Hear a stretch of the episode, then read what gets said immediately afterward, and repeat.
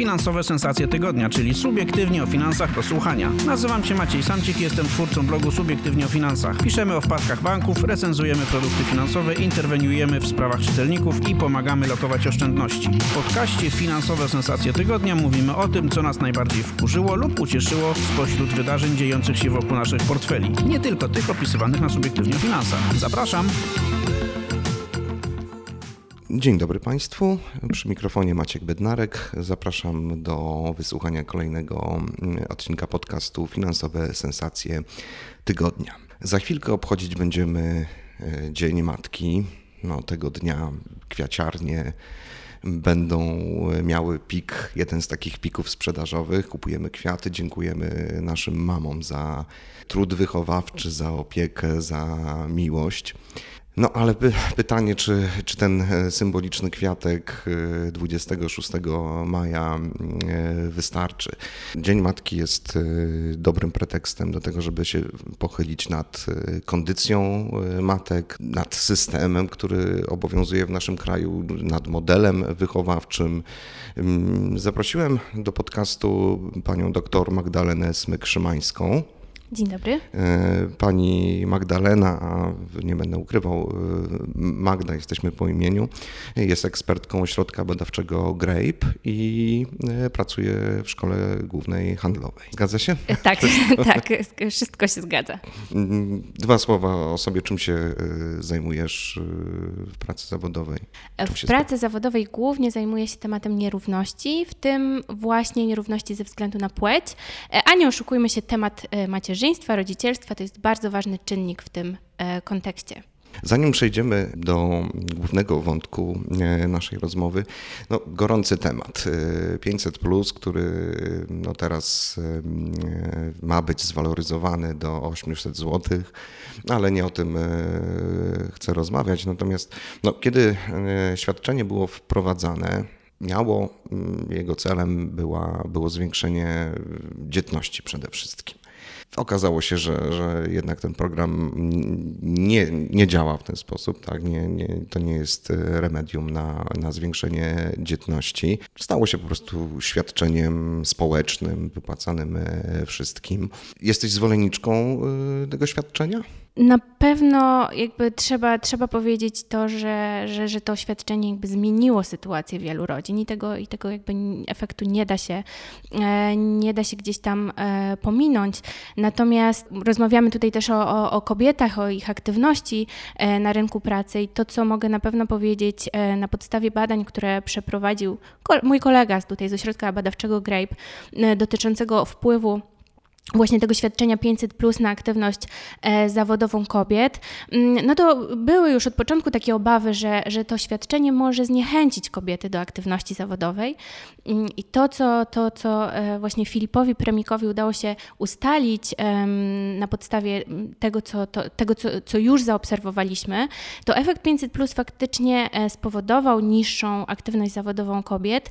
Natomiast kiedy tam zajrzymy trochę głębiej w te dane, to okazuje się, że ta niższa aktywność zawodowa nie wynika z tego, że kobiety rezygnują z pracy. Te 500 plus to jednak nadal za mało, żeby rezygnowały z pracy, natomiast rzadziej aktywnie jej poszukują, czyli te, które wcześniej poszukiwały dodatkowego e, źródła zarobków, z tej aktywności zrezygnowały w momencie, kiedy pojawiło się 500. Mhm. No tak, bo mówimy o takiej sytuacji, e, no powiedzmy, kobieta ma e, dwoje dzieci dostaje 1000 zł. Gdyby mm, poszła do pracy, no to musiałaby zapewnić opiekę, tak? No po prostu nie opłaca się iść do pracy na, na, na, na cały etat. A na czym polega ta ta mniejsza skłonność do, do y, poszukiwania pracy. To jest um, dokładnie to, o czym mówisz, tak? W sytuacji, kiedy te, um, jakby po pierwsze samo poszukiwanie pracy jest dość dużym wysiłkiem, jednocześnie zapewnienie dziecku odpowiedniego, odpowiedniej opieki w czasie, kiedy, e, kiedy właśnie no, mama pracuje, e, to jest zarówno wysiłek, jak i, e, jak i koszt. Wiemy, że tutaj sytuacja w, żłob, w żłobkach państwowych wygląda różnie, to znaczy zarówno jeżeli chodzi o dostępność miejsc, jak i koszty. No i teraz, jeżeli mamy do czynienia z taką sytuacją, w której kobieta zostaje w domu, e, nie szuka pracy, czyli nie podejmuje tego dodatkowego wysiłku, bo de facto te jej dodatkowe zarobki w zasadzie w większości e, zostałyby spożytkowane na to, żeby właśnie dziecko było zaopiekowane, czyli było w żłobku lub w przedszkolu, mm, żeby ona mogła do tej pracy dojechać, tak? To często po prostu kobiety e, jakby rezygnują z tego dodatkowego wysiłku, szczególnie jeżeli mają te, te, te dodatkowe um, świadczenie no, społeczne, tak jak już żeśmy je nazwali. W dyskusji na temat e, tego programu przeciwnicy 500 czy 800 może niebawem e, podkreślają, że te pieniądze powinno się albo przekierować do e, rodzin faktycznie potrzebujących, czyli no, umówmy się uboższych, albo generalnie zmienić cel czyli nie przekazywać y, transferów gotówkowych, a no właśnie, y, budować żłobki, y, tak żeby, żeby te matki były aktywne zawodowo, żeby ktoś mógł się tanio zaopiekować dziećmi. Czy są badania na ten temat, że, które by pokazywały, że, że inna konstrukcja tego programu, tak wykorzystanie de facto tych samych pieniędzy mm, wpłynęłoby na zwiększenie aktywności zawodowej kobiet. Mm, myślę, że tutaj głównym wątkiem, który gdzieś mam nadzieję będzie, będzie powracał w naszej rozmowie badań właśnie dotyczących e, aktywności zawodowej matek, to jest takie podkreślanie e, tego, e, tej wolności wyboru, tak? No ale wolność wyboru jest ograniczona też możliwościami, tak? Czyli jeżeli mamy po pierwsze sytuację, w której nie mamy, nie mamy dostępnych dostępnych miejsc w placówkach opiekuńczych, czy, e, czy powiedzmy koszty e, utrzymania. Niani są bardzo wysokie relatywnie do zarobków kobiet, e, czy ogólnie zarobków, to tak naprawdę ta wolność wyboru jest ograniczona. Dodatkowym aspektem jest kwestia e, takiego, takich norm społecznych dotyczących tego, w pewnym sensie, co społeczeństwo, czego społeczeństwo oczekuje od matek. Tak? Mm, I, i, i to są na pewno takie aspekty, które, które gdzieś tam w tych badaniach powracają i e, wydają się być naprawdę bardzo istotne. Kobiety mają, młode matki mają wybór, tak, czy być aktywne zawodowo, czyli, czyli bardzo szybko po urodzeniu dziecka, dzieci wrócić na rynek pracy. Y, jaki jest, Magda, obecnie stan gry? Jakie dzisiaj y, mamy możliwości? Mm, jeżeli chodzi o możliwości, rozumiem, że pytasz o, o, o urlopy, o urlopy tak. związane mhm. z, z opieką nad dziećmi, mm, to e, na ten moment mamy, cztery, jeśli dobrze pamiętam, 41 tygodni e, urlopu łącznie macierzyńskiego i rodzicielskiego, czyli takiego urlopu, który właśnie rodzice mogą spędzić z dziećmi. On jest, e, on jest odpłatny, tak? w sensie rodzice w tym czasie otrzymują część swojego wynagrodzenia. Z, z czego pamiętajmy tam do, do, do kwietnia tego roku, to był rok tak? I e, to był łącznie rok, natomiast od tej pory mamy dodatkowe 9 tygodni. E, tam jest gwiazdka, e, 9 tygodni z, tego, z tych 41 tygodni musi wykorzystać każdy z rodziców. To znaczy mm, nie ma takiej możliwości, żeby tylko mama przez te 41 tygodni była z dzieckiem. E, może być tak, że jakby mama wykorzystuje rok, a tata te dodatkowe 9 tygodni. Oczywiście można się podzielić też w innej proporcji i to jest jak najbardziej okej. Okay. Okej, okay, a gdyby tak y, zmaksymalizować y, rolę ojca? Gdyby e, zmaksymalizować rolę ojca, co u nas jest bardzo rzadkie, ale na przykład w Szwecji bardzo powszechne, to wtedy ojciec maksymalnie może wykorzystać z tych 41 tygodni, 41 minus 14, tak? Mama musi być przez 14 tygodni, to jest związane z tym okresem po porodzie, też powrotem do, do, do e, jakby takiego stanu fizycznego odpowiedniego. 27 tygodni to jest to jest ten czas, który, e, który tata może spędzić z dzieckiem i w tym czasie być oczywiście na tym tak zwanym zasiłku macierzyńskim, czyli dostawać, e, dostawać, dostawać pieniądze, bo jeżeli chodzi o urlop wychowawczy, który na podstawie którego jakby nie przysługują pieniądze, ale jest czasem przerwy w karierze zawodowej na opiekę nad dziećmi, to tutaj nie ma żadnych e, przeciwwskazań, nie ma żadnych e, ograniczeń. Zarówno mama, jak i tata mogą korzystać z tego czasu. No dobrze, to który model jest e, lepszy? Mamy z jednej strony model taki, kiedy kobieta bardzo szybko po urodzeniu dziecka wraca na rynek pracy, kiedy ma wsparcie ojca, męża, partnera, który, który ją wspomaga. Też wykorzystuje te wszystkie możliwości prawne, urlopowe do opieki nad dziećmi. Z drugiej strony taki drugi biegun, no to takie tradycyjne podejście. Kobieta powinna być jak najdłużej z dziećmi, a takie jeszcze bardziej, bardziej tradycyjne podejście, no to właściwie nie powinna pracować. Ojciec, facet pracuje, zarabia pieniądze, nie przykłada się do wychowania dzieci.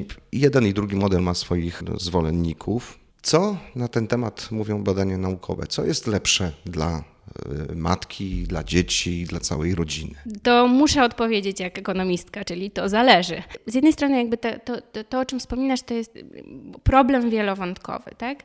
Czyli mamy e, z jednej strony takie przeświadczenie, że mama powinna spędzać jak najwięcej czasu z małym dzieckiem. E, dlaczego mówię, że mamy takie przeświadczenie? Bo jak pokazują dane takie dotyczące właśnie norm społecznych, badanie World Values Survey przeprowadzone w Polsce, na pytanie, czy małe dziecko cierpi, gdy jego mama pracuje, prawie 50% Polaków odpowiada tak. Albo mówi tak, zgadzam się z tym zdaniem, albo, mówię ta, albo mówi tak, zdecydowanie zgadzam się z tym zdaniem. Tymczasem, jak pokazują badania z chociażby Stanów Zjednoczonych, mm, okazuje się, że matki, które wracają e, do pracy, niekoniecznie mniej zajmują się dziećmi. To znaczy, e, w badaniach amerykańskich wyszło, że to nie kwestia pracy determinuje jakby intensywność zajmowania się dziećmi przez matki, a ich wykształcenie. To znaczy, e, mamy, które mają wyższe wykształcenie, Średnio, tam akurat w Stanach Zjednoczonych wyszło, że średnio spędzają z dzieckiem 4,5 godziny tygodniowo więcej. 4,5 godziny to nie wydaje się wcale tak mało. Dlaczego mówię o tym w kontekście pracujących mam?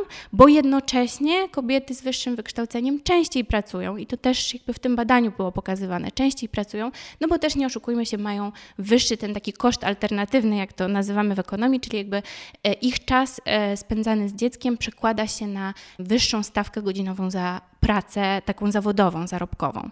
A to, co pokazują amerykańskie badania, to jest taki mechanizm, że mamy wracające e, do pracy po urodzeniu dziecka, one nie zmniejszają intensywności zajmowania się dzieckiem, czyli zajmują się tym dzieckiem mniej więcej tak samo, czasem nawet więcej, e, natomiast rezygnują z czasu spędzonego na obowiązkach domowych. Tak? No bo wiadomo, doba ma 24 godziny, więc siłą rzeczy nie da się. No to kto przejmuje te obowiązki? E, no to, co pokazują badania, to, że, e, że te obowiązki domowe albo zaczynają być równiej dzielone w ramach partnerstwa e, matki i ojca, albo zostają, zostają jakby te potrzeby związane nie wiem, z czystym domem, jedzeniem i tak dalej, po prostu są zapewniane przez usługi zewnętrzne, tak? Czyli jakby mhm. zamawiamy jedzenie, ktoś przychodzi tak, nam, opieka. sprząta, dokładnie mhm. tak, dokładnie tak to wygląda ten wynik, te 4,5 godziny, to jest porównanie średnich dla kobiet z wyższym wykształceniem i kobiet z e, niższym wykształceniem. On jest e, korygowany o fakt, że czy mama pracuje, czy nie pracuje, natomiast to jest jakby porównanie, e, porównanie kobiet z wyższym wykształceniem i kobiet z wykształceniem niższym, łącznie biorąc pod uwagę zarówno pracujące, jak i niepracujące mamy. Tak? Natomiast jest to jest to tam brane pod uwagę. Okej, okay, ale badania y, obalają ten mit, że mm, pracujące kobiety, matki mają mniej czasu dla swoich dzieci. Mm, tak. Jakie jeszcze y, pojawiają się tutaj stereotypy, mity, które nauka obala, dotyczące tego y, szybszego powrotu na rynek pracy? Bardzo ciekawe badanie z Australii, e, moim zdaniem ciekawe, e, to takie badanie, które rozpoczęło się od tezy, że pracujące mamy mają mniej czasu, żeby poświęcać, no wiadomo, poświęcać ogólnie na opiekę i, e, i, i edukację swoich dzieci, ale również mają mniej czasu, żeby zadbać o ich dietę.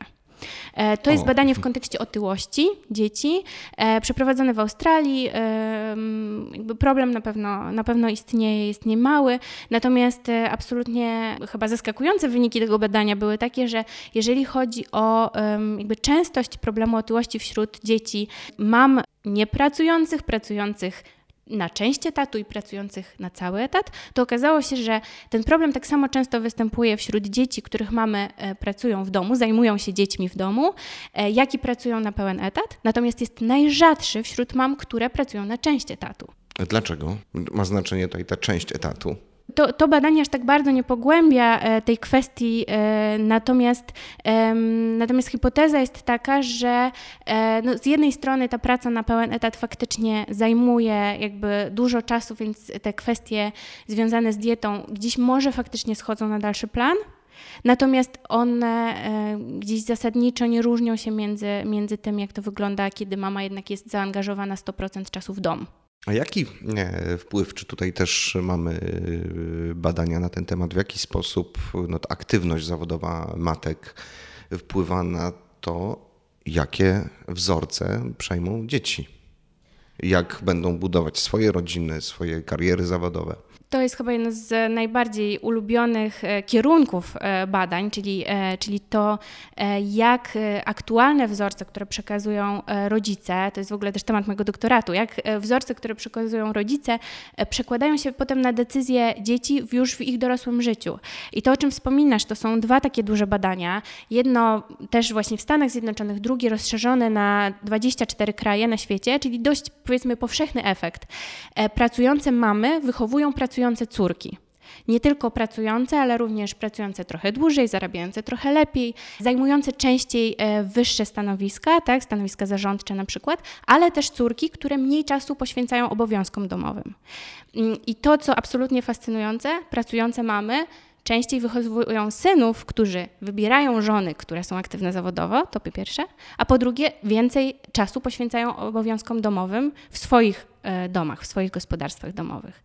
A jak to wygląda mm, na cyferkach? Mm, tak, bo tutaj e, posługujesz się mm, takimi, że więcej, że częściej. To są duże różnice? W tej chwili nie jestem w stanie powiedzieć dokładnej cyfry, natomiast to są różnice, które mają znaczenie na zmianę pokoleniową. Tak? To jest efekt, który obserwujemy i on jest istotny dla tej zmiany e, na kolejne pokolenie. Jakby przy tym, że na aktywność zawodową kobiet wpływają różne czynniki, tak? to ten efekt pracującej mamy jest, e, jest istotny, czyli jakby zmienia perspektywę w następnym pokoleniu. To jeszcze może jedną rzecz dodam, to właśnie e, wynik, który uzyskałam w badaniach z mojego doktoratu, e, to nie tylko e, to, że mama pracuje ma znaczenie, ale to, co mama sądzi i uważa o roli kobiet i mężczyzn, e, przekłada się na decyzje córek i, i, i synów. W szczególności udało mi się zaobserwować taki efekt, że jeżeli mama uważa, że chłopcy i dziewczynki są tak samo dobrzy z matematyki, z, z przedmiotów ścisłych, to jest istotnie większa szansa, że ich córka zdecyduje się na karierę w, właśnie w tych tak zwanych dziedzinach dziedzinach STEM. Ale to są y, badania y, w Polsce przeprowadzone, tak? Te badania zostały przeprowadzone w Polsce, ale na danych amerykańskich. Niestety y, dla Polski nie mamy takich, takich danych e, systematycznie gromadzonych dotyczących przekonań e, osób dotyczących ról e, kobiet i mężczyzn w społeczeństwie. I powiedzmy stereotypów płci. Mhm. W jaki sposób jeszcze y, zmienia się rola y, kobiety, matki aktywnej y, zawodowo? Tak, mówimy cały czas matka aktywna zawodowo, czyli no, czyli kobieta, która wraca mm, po urodzeniu dziecka szybko na rynek pracy. To, o czym na pewno jeszcze możemy wspomnieć, to kwestia wydatków. To jest cały szereg e, badań dotyczących tego, że aktywna zawodowa mama to większe wydatki w budżecie rodziny na, na potrzeby dzieci. I tutaj zarówno to badania dotyczące mm, raczej krajów rozwijających się, ale e, dotyczące takich kluczowych kwestii, jak, jak wydatki na edukację, czy wydatki na opiekę zdrowotną, dla dzieci, ale to również e, badania brytyjskie pokazujące, że jeżeli mama jakby ma ten swój wkład w budżecie rodziny, to też wyższe są wydatki na e, rozrywkę, zabawki e, dla dzieci. Mm, to też wydaje mi się dosyć ciekawy efekt. Czyli pracująca mama to szczęśliwsze dzieci no, chyba bym nie przykładała aż takiego, e, e, takiego mm, e, znaku równości między większą liczbą zabawek, a szczęśliwszymi dziećmi. Nie, nie, nie, nie chodzi o zabawki, tak, ale to co powiedziałaś, tak, różne aktywność, zaangażowanie dzieci w różne kursy aktywności sportowo-naukowe. Tak, tak, tak to, to jak najbardziej i pociągnęłabym dalej ten temat, to znaczy mama pracująca to na pewno większa przestrzeń też dla taty, a ojcowie mają znaczenie. Tak? I, i, I to, co obserwujemy, to po pierwsze, pracujące mamy nie rezygnują z opieki nad dziećmi, opiekują się nimi tak samo intensywnie, natomiast e, do, w większym stopniu dopuszczeni są ojcowie, a okazuje się, że jakby e, uwaga, opieka, wychowanie ze strony ojców ma znaczenie, tak? Są takie badania pokazujące, że dzieci, który, dzieci, których ojcowie byli bardziej zaangażowani w wychowanie, mają lepsze, lepsze umiejętności poznawcze, mm, lepiej sobie radzą z samoregulacją emocjonalną. To na poziomie średnich, tak? Widać, że ten udział ojców ma znaczenie. A jedno jednocześnie mamy nie rezygnują, pamiętajmy, mamy nie rezygnują z, z opieki nad dziećmi. Jeszcze jedna rzecz, którą chciałam powiedzieć, bo to dla mnie było dosyć ciekawe, że e, w danych niemieckich, było takie badanie na danych niemieckich dotyczące satysfakcji z życia. E, bo nie wiem, czy wiesz, ale jest taka duża e, baza badań ekonomicznych, która pokazuje, że rodzice ogólnie rzecz biorąc są mniej szczęśliwi niż nierodzice. Dorośli ludzie, którzy, którzy decydują się na potomstwo, potem deklarują, że są mniej zadowoleni z życia niż ich koledzy koledzy, którzy tych dzieci nie mają. Ale, jak, e, ale to są badania sprzed paru albo nawet kilkudziesięciu lat i okazuje się, że Aktualnie tego efektu już praktycznie nie ma, tak? To, ta satysfakcja z życia jest porównywalna. No i co, możemy grzebać troszkę głębiej i teraz to niemieckie badanie, o którym zaczęłam mówić, e, ono pokazuje, że wśród matek największą satysfakcją, e, największą satysfakcję z życia deklarują matki pracujące na pełen etat. No, co wydawałoby się dość zaskakującym efektem, bo z jednej strony no jakby muszą mają i bardzo dużo pracy i, e, i są, jak już wiemy, bardzo zaangażowane w wychowanie swoich dzieci, a jednak to one są najbardziej zadowolone. I teraz co badacze znaleźli? Niż kobiety pracujące na przykład na pół etatu, tak? Dokładnie, tak? niż kobiety pracujące na pół etatu, ale również niż kobiety, które zajmują się domem, Tylko. tak, mhm, wyłącznie, mhm. tak? Bo pamiętajmy, że każda mama pracuje. I, e, i, i, i, i co ci badacze niemieccy, tak, e, co oni odnaleźli w danych? Oni stwierdzili, że ten efekt właśnie mniej mniejszej satysfakcji z życia mam, które zostały w domu albo które pracują na część etatu, wynikają z barier systemowych powrotu do pracy na pełen etat w takich komfortowych, powiedzmy, warunkach, kiedy można znaleźć ten balans między życiem zawodowym a życiem prywatnym. I tutaj kilka kwestii wchodzi w grę. Po pierwsze, to o czym zaczęliśmy rozmawiać, e, żłobki, przedszkola, opieka instytucjonalna e, nad dziećmi, zarówno dostępność do niej, jak i jej jakość stereotypy, tak? czyli przekonanie w społeczeństwie, że mama powinna zostać z dzieckiem, to rodzi jakiś rodzaj napięcia i obniża satysfakcję z życia. No i też właśnie ten e, równy podział obowiązków e, w domu, tak? wynikający głównie pewnie z, e, z tych norm społecznych, które funkcjonują.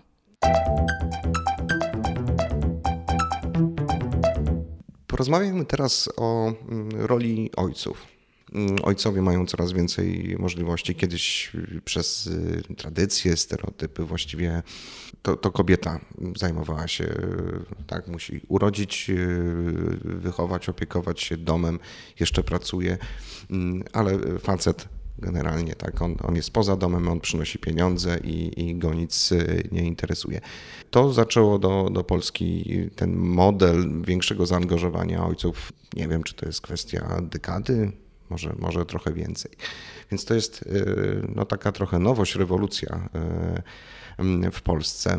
Na zachodzie, mówiłaś o Szwecji, no to jest już norma, tak, że, że model, w którym tata się Y, angażuje w wychowanie, ale też pomoc y, taką, taką domową, tak, sprzątanie, gotowanie, tak, tak to rozumiem.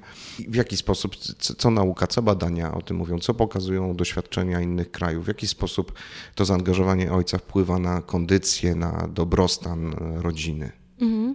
To zacznijmy może od, e, od naszego podwórka, czyli jak to wygląda. Na razie na poziomie, na poziomie deklaracji e, Fundacja Sherdecker opublikowała jakiś czas temu taki raport dotyczący zaangażowania ojców w mm, opiekę nad dziećmi, ale również, tak jak wspomniałeś, w obowiązki domowe. Mm, jeżeli chodzi o opiekę nad dziećmi, to przynajmniej na poziomie deklaracji nie wygląda to tak źle.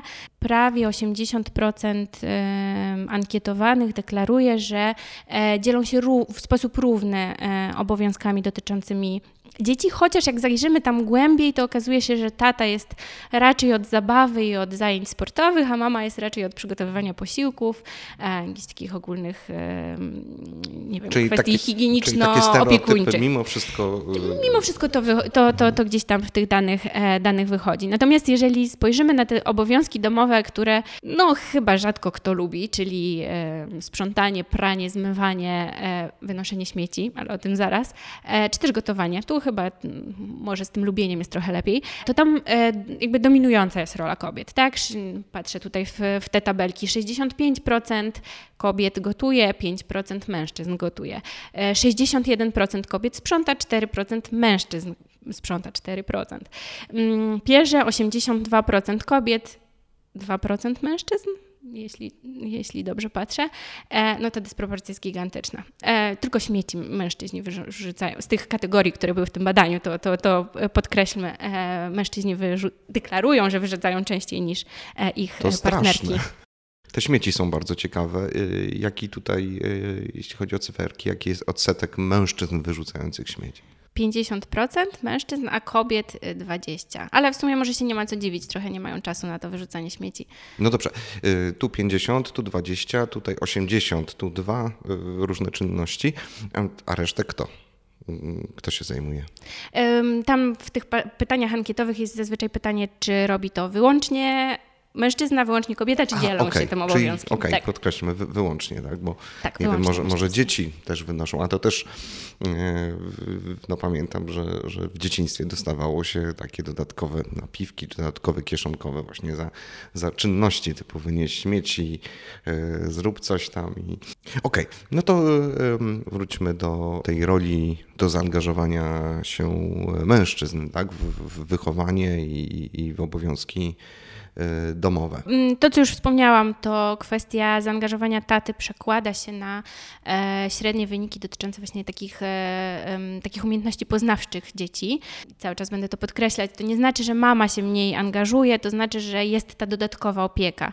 Ale też e, badania pokazują, i to też również te polskie, że pary, małżeństwa deklarują większą satysfakcję ze związku, mężczyźni też deklarują większą satysfakcję z życia, jeżeli właśnie poświęcają więcej więcej czasu na, e, może poświęcają to brzydkie słowo, ale spędzają więcej czasu mm, wychowując swoje dzieci, Wspólnie, bawiąc się tak. z nimi. Mhm. Tak. A, no i oczywiście nie można pominąć tego, że zaangażowanie ojców w opiekę e, nad dziećmi zmniejsza różnice w płacach między kobietami i mężczyznami. Czyli w, w parach, w małżeństwach, w których e, rodzice równo dzielą się obowiązkami związanymi z dziećmi, kobiety e, zarabiają lepiej, ta luka między mężczyznami i kobietami jest mniejsza, między, między partnerami jest mniejsza, co się też przekłada na, na wielkość tej luki dla całego kraju. A z czego to wynika? Mamy szybciej wracają do pracy, e, ich przerwa w karierze zawodowej jest krótsza, szybciej rosną pensje e, matek, ale też e, doświadczają niższej tak zwanej kary za, za przerwę związaną z opieką nad dziećmi. Skoro wspomniałaś o karach, no właśnie, co, co grozi? Bo mm, cały czas rozmawiamy o tych, o tych zaletach, tak? Nie wiem, czy to nazwać promocją takiego, takiego modelu, tak? Ale mm, generalnie ten szybszy powrót matki do pracy, mm, większe zaangażowanie partnera w wychowanie dzieci wpływa na dobrostan całej rodziny.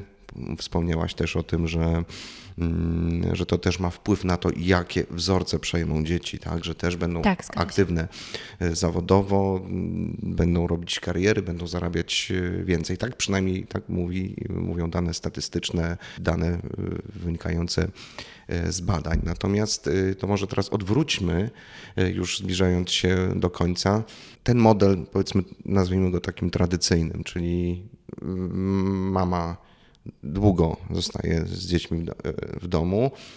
E, ojciec e, pracuje. Jak mama wraca, to wraca na ćwierć, na pół etatu. Tu dostaje jakieś, jakieś świadczenia, więc nie za bardzo się opłaca i tak dalej, i tak dalej. Jakie są kary? Jakie są efekty takiego modelu? Um, Okej, okay. E, rozumiem o co mnie pytasz, ale trochę się, że tak powiem, wykręcę z tego pytania, e, bo, bo to, co bym um, chciała podkreślić i to, co wynika z badań, o których wspominam, to jest um, to, że istotna jest właśnie, powtórzę się, ale istotna jest wolność wyboru, bo jakby nie ma nic złego w modelu, w którym to mama przez, nie wiem, pięć pierwszych lat życia dziecka zajmuje się dzieckiem i nie wraca do pracy zawodowej. Nie ma też nic złego w modelu, w którym rodzice po pierwszym roku życia obydwoje wracają do pracy, a dziecko zostaje w tym czasie e, z nianią albo w, w placówce opiekuńczej z babcią, tak? W żadnym z tych modeli nie ma nic złego. Natomiast instytucjonalnie powinno istnieć wsparcie dla każdego możliwego wyboru. W tym również instytucjonalnie powinien, powinno istnieć wsparcie dla e, matek, które chcą wrócić do, e, do pracy. I właśnie argumentów za tym, że właśnie te badania, o których wspominam, dostarczają nam tak naprawdę argumentów za tym, że pracująca mama to nie jest krzywda dla dziecka, tak? Po pierwsze, jej zaangażowanie jest cały czas tak samo duże. Po drugie, ona sama mówi, że jest bardziej zadowolona ze swojego życia. Również ojcowie, którzy y, angażują się w y, opiekę nad dziećmi, mówią, że są bardziej zadowoleni ze swojego życia. Y, kiedy decydują się na taki urlop, w którym zostają jakby sam na sam z małym dzieckiem, to w, da, w, dalszej perspektywie więcej czasu spędzają z dziećmi i bardziej angażują się właśnie i to w zabawę, ale również w te, w te, te obowiązki właśnie takie opiekuńcze wobec, wobec dzieci dzieci. Mm, więc to, to chyba to, co bym chciała, żeby wybrzmiało z tej naszej rozmowy, to to, że jakby każdy model jest dobry, jeżeli jego źródłem jest wola e, tych dwóch dorosłych osób, które, które mają dziecko, a przede wszystkim wybór, w którym mama pracuje, jest aktywna zawodowo i tata pracuje, albo mama pracuje, a tata zajmuje się dziećmi, to też jest dobry wybór. A czego, czego brakuje, e, jakich rozwiązań, właśnie, żeby ten model mm, szybkiego powrotu, aktywności matek, te, mówię o kobietach, które chcą z tego e, skorzystać, tak? mają wybór i chcą. Według Ciebie, czego, czego nam, nam brakuje? Analizujesz różne systemy e, obowiązujące za granicą. Co jest potrzebne tak naprawdę, żeby z tego, z tego modelu mm, matki faktycznie mogły skorzystać? Myślę, że kluczowe są dwie sprawy. Pierwsza sprawa to są te sprawy takie instytucjonalne w rozumieniu właśnie dostępność placówek, dostępność niań. Tak, w sensie to, o czym tak naprawdę mówi się w, w przestrzeni publicznej. Czyli tutaj w pewnym sensie rację mają ci, którzy uważają, że na przykład 500 plus tak powinno być przekierowane na, na żłobki. Okej. Okay. okay. że... Natomiast jest jeszcze druga kwestia i to jest ta, ta kwestia, która gdzieś tam e, często się przebija trochę chyba słabiej do, do takiego dyskursu społecznego, to jest zmiana patrzenia właśnie na rolę kobiet i mężczyzn ale również matek i ojców w społeczeństwie, czyli zmiana taka systemowa, zmiana e, myślenia o tym, e, że na przykład, nie wiem, mama ma być stuprocentowo dostępna dla dziecka w, nie wiem, pierwszych trzech czy pięciu latach życia, tak? Albo przeświadczenie o tym, że dziecko w jakikolwiek sposób cierpi, jeżeli ta mama wraca do pracy. To jest taka zmiana na poziomie norm społecznych i myślę, że ona bardzo mocno No mentalność musi się zmienić, tak. ale to znasz jakieś e, narzędzia, dzięki którym można by... Znam e, badanie, które pokazuje, że e, te normy społeczne można zmieniać wstecz. Nie wiem, czy aż tak bym daleko poszła, ale powiem Ci, o, o, czym dokładnie mówię. Jest takie badanie na danych niemieckich dotyczące tego, jak zmieniły się, jak zmieniło się postrzeganie właśnie ról kobiet um, aktywnych zawodowo, czy powiedzmy postrzeganie kobiet aktywnych zawodowo, matek aktywnych zawodowo, po tym, kiedy w Niemczech zostało wprowadzony ten właśnie taki nieprzenaszalny urlop dla jednego z rodziców, no ale umówmy się, że w, w praktyce oznaczał to urlop, oznaczało to urlop dedykowany dla ojca. E, tak jak teraz u nas, to bodajże 17 lat temu taka zmiana nastąpiła e, w Niemczech. I tam badacze zapytali, ogólnie rzecz biorąc, rodziców, którzy skorzystali e, z tej, z tej zmiany, czyli ojcowie, którzy zdecydowali się skorzystać z tego urlopu, no, nazwijmy go rodzicielskim, powiedzmy w naszej nomenklaturze, e, zapytali również dziadków e, o e, poglądy na podział ról w, w partnerstwie, w, w małżeństwie, w którym pojawiło się dziecko. I co się okazało? Okazało się, że dziadkowie, dziadkowie rodzice ojców, którzy zdecydowali się wziąć ten dodatkowy urlop, zmienili swoje patrzenie na to, jak oceniają pracujące matki. To znaczy, w tej grupie istotnie częściej e, akceptowana była i e, jakby akceptowana była taka norma, że młoda mama wraca do pracy i jest aktywna zawodowo. Czyli da się. Na pewno trzeba To próbować. znaczy rozumiem, że ci, że tak dziadkowie no, musieli to najpierw zobaczyć, tak, obserwować to, jak ich syn opiekuje się dzieckiem, odciąża matkę i wtedy y, rozumiem, ta akceptacja y, była y, w tej, tej grupie większa, tak? Dokładnie w sensie tak. y, popierali to, że, że, że matka nie 5 lat z dzieckiem, tylko wraca szybciej Dokładnie tak. Czyli jakby zmiana w deklarowanych poglądach nastąpiła na skutek obserwacji tylko i wyłącznie zmiany decyzji w, w, w pokoleniu dzieci, swoich dzieci. Drodzy Państwo, jak y, słyszeliście, mama wracająca szybko na rynek pracy to nie jest zło. To jest y, ciekawa, niosąca ze sobą wiele pozytywnych y, konsekwencji. No, cie- ciekawy, ciekawy, mądry wybór. Pamiętajmy, że no jest wybór, tak? Możemy, zależy wszystko od nas. y, oby faktycznie, tak jak powiedziałaś, pojawiały się bodźce do tego, żeby można było y, wybrać y, zarówno jeden, jak i, jak i drugi model. No i przy okazji wszystkim mamom, ale też, no może nie mamom, składamy najlepsze życzenia z okazji Dnia Matki. Chciałem powiedzieć, że też ojcom, ale to, to matkom życzymy takich partnerów, y, dzięki którym będą mogły się realizować, wybrać to, co będzie dla nich y, i dla ich dzieci, dla ich rodzin najlepsze. Moją gościnią była mm, dr Magdalena Smek-Szymańska Bardzo dziękuję.